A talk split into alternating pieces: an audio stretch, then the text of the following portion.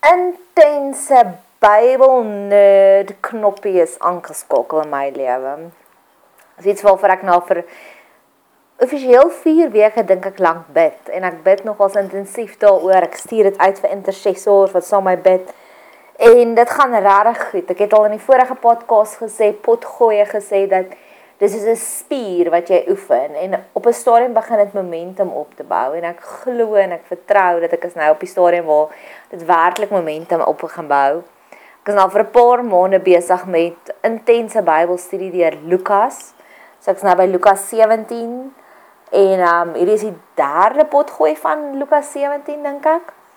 En ek begin nou hierso by vers 21.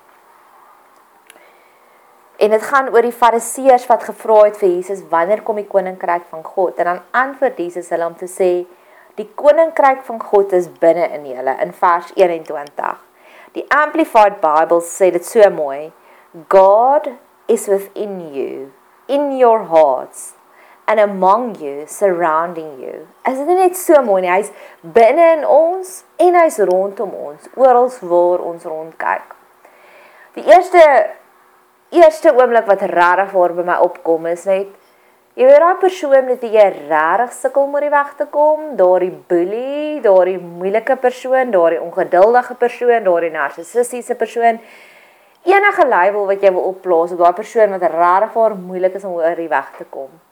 Bid vandag en elke dag daarvoor. Net soos wat Moses gesê het, "Show me your glory" of "Wys my u heerlikheid." Glo ek ook ons kan bid Here wys my u koninkryk wat binne in hierdie persoon se hart is. Wys my iets van u wat binne in hulle is sodat ek daarop kan fokus. Ek noem dit sommer love goggles. Here sit vir my u love goggles op dat ek na daai persoon kan kyk na hoe u hulle sien want ek weet elke liewe persoon op hierdie aarde is in God se beeld geskape en dit sê vir ons daar is van God se goedheid ingeweef in hulle. So dis die eerste ding wat jy regtig voor kan bid om te besef dat die koninkryk van God is binne in jou, dis binne in my, dis binne in elke liewe persoon. Of hierdie persoon maklik is om voorlief te wees en of hierdie persoon bietjie meer uitdagend is om voorlief te wees. En die tweede ding wat die amplified sê, the kingdom is within you and among you. Tussen hakkies staan daar surrounding you. Oral waar jy kyk, sien jy God se koninkryk gemanifesteer hier op aarde. Ek het seker so 'n jaar terug het ek begin um raak sien as ek 'n fotootjie neem en ek gaan sit met hierdie fotootjie en ek mediteer daarop dan is dit asof God vir my nuwe dimensies van homself wys en ek het begin um plaas op Instagram, ek sit dit daagliks op my WhatsApp status en dit is net wonderlik. Dis asof ek na die hele wêreld rondom my kyk met hierdie nuwe brille op en hierdie En die volgende hoofstuk sluit actually af met Jesus wat 'n blinde man genees. So ek gaan daaroor ook gesels later aan, maar dis asof elke liewe geleentheid is 'n geleentheid om net nog 'n bietjie meer van Jesus raak te sien. En ek glo ook dis 'n spier wat geoefen word. So ek is nou op die punt waar op 'n stadium met die foto geneem en ek het regtig al lank aan sit en gedink, okay, wat kan ek hiervan skryf en dan die gees my gelei, maar gister het ek hierdie oomblik gehad, twee oomblikke wat ek letterlik onmiddellik God kon gesien het want ek glo ek het daai spier geoefen. Daar was ook 'n mooi ligte by Ou Gelitos in Woodlands. As jy ooit in daai omgewing is in Pretoria, reg oorkant Morletta Kerk, is daar in die in die Ou Gelitos en die self begin. So gaan stap jy net daarin en wees die weer persoon wat die foto afneem van die ligte, maar daar's hierdie goue bal ligte wat hang vanuit die dak uit. En wat ek wat my gebed dadelik was, die oomblik toe ek dit gesien het en terwyl ek die foto geneem het, dit was eintlik 'n baie snaakse oomblik want ek was halfpad af met die trappe, die kelner was voor my, my vriend of die kelner was agter my en my vriend was voor my, maar gelukkig het hy baie genade met my, weet hy neem fotos oral. En ek het op 'n oomblik net gestop en die kelner was amper aan my rug in want ek moes net hierdie foto afneem van die mooi ligte. Ek dink ek moet dit sommer die die prentjie maak van hierdie pot gooi. En wat ek vir die Here gebid het is om te sê ek wil dit wees. U sê ons is die lig van die aarde. Ek wil die goue lig wees. Ek wil nie 'n gewone lig wees nie. Ek wil nie 'n silwer of koper lig wees nie. Ek wil special wees. Ek wil 'n goue lig wees, maar ek wil ook mooi wees. Ek wil ook u skoonheid in die wêreld inbring. So ja, onthou, die koninkryk van God is binne in ons en die koninkryk van God is reg rondom ons. Die volgende versie, vers 24, gaan dit nou aan oor wat Jesus sê, hoe gaan dit lyk as hy weer terugkom na die aarde toe? En ehm um, ja, dis ek net gaan soek want ek het hierdie amplified voor my en ek het die message bible voor my uitgedruk maar ek wil dit eintlik net gewone 1933 vertaling vir jou gaan lees. Hy sê, want soos hier weerlig wat van die een kant onder die hemel blits en tot by die ander kant onder die hemel skyn, so sal die seun van die mens ook in sy dag wees. Met ander woorde, Jesus sal homself manifesteer openbaar, nie stilletjies nie. Dit sal wees soos weerlig oor die hele hemelruim.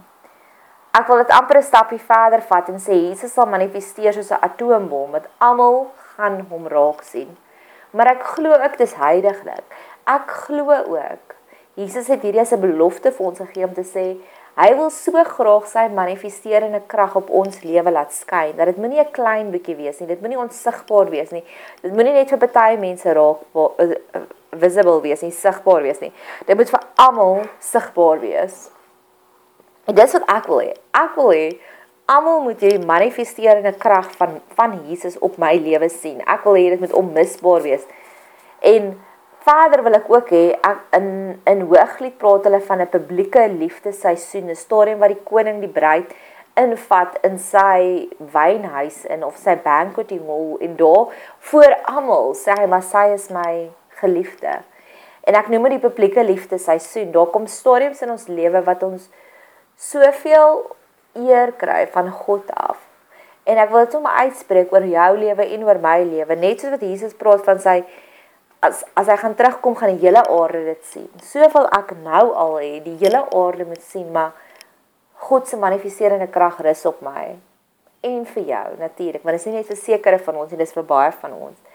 Ek het al mense gekry wat um buite die geloof staan wat vir my sal sê, "Jy jy's lucky. Jy is so lucky. Alles werk net so uit en en ek glo dat dit is 'n teken van God se seënende krag wat op ons is." En dan verder ook, net om daai stappie verder te vat. Ek het al gehoor dat volwasse mense, volwasse gelowiges, volwasse emosionele mense het 'n genesende effek op op die om, omstandighede waar hulle is. En dit staan ook in Jakobus wat God ook beloof nader tot my en, en God sal nader tot ons gaan. So dit is nie 'n individuele seëning nie, hy wil 'n korporatiewe seëning op ons sit. En dis weer eens wat hierso sê van almal sal dit sien. Daar sal weerlig wees. Dit sal so 'n atoombom wees. Ek het al gehoor wat mense sê as hulle in die teenwoordigheid was van Nelson Mandela, daar's 'n ander tipe energie of krag in sy teenwoordigheid. Ek glo ons elkeen as 'n gelowige het daardie potensiaal binnekant ons dat God homself so sterk wil manifesteer. Soos Jesus wat Jesus hierso sê, dit gaan nie saggies wees nie, dit gaan nie stil wees nie, dit gaan wees as weerlig van die wat van die een kant onder die hemel en tot by die ander kant van die hemel skyn. En dis wat ek wil sien wat ons gelowiges moet manifesteer. Ek was gister in die kerk in 'n kerkdiens en dit was een van die mees spesiaalste dienste want hulle het 'n inseening gedoen en hulle het dit next level gevat. Maar waarvan die pastoor gepraat het, het sê hy 80% van Suid-Afrikaners beweer dat hulle is Christene, maar hy wonder wat is die persentasie wat regtig word en hy die woordjie gebruik Christen gesentreerde lewens het.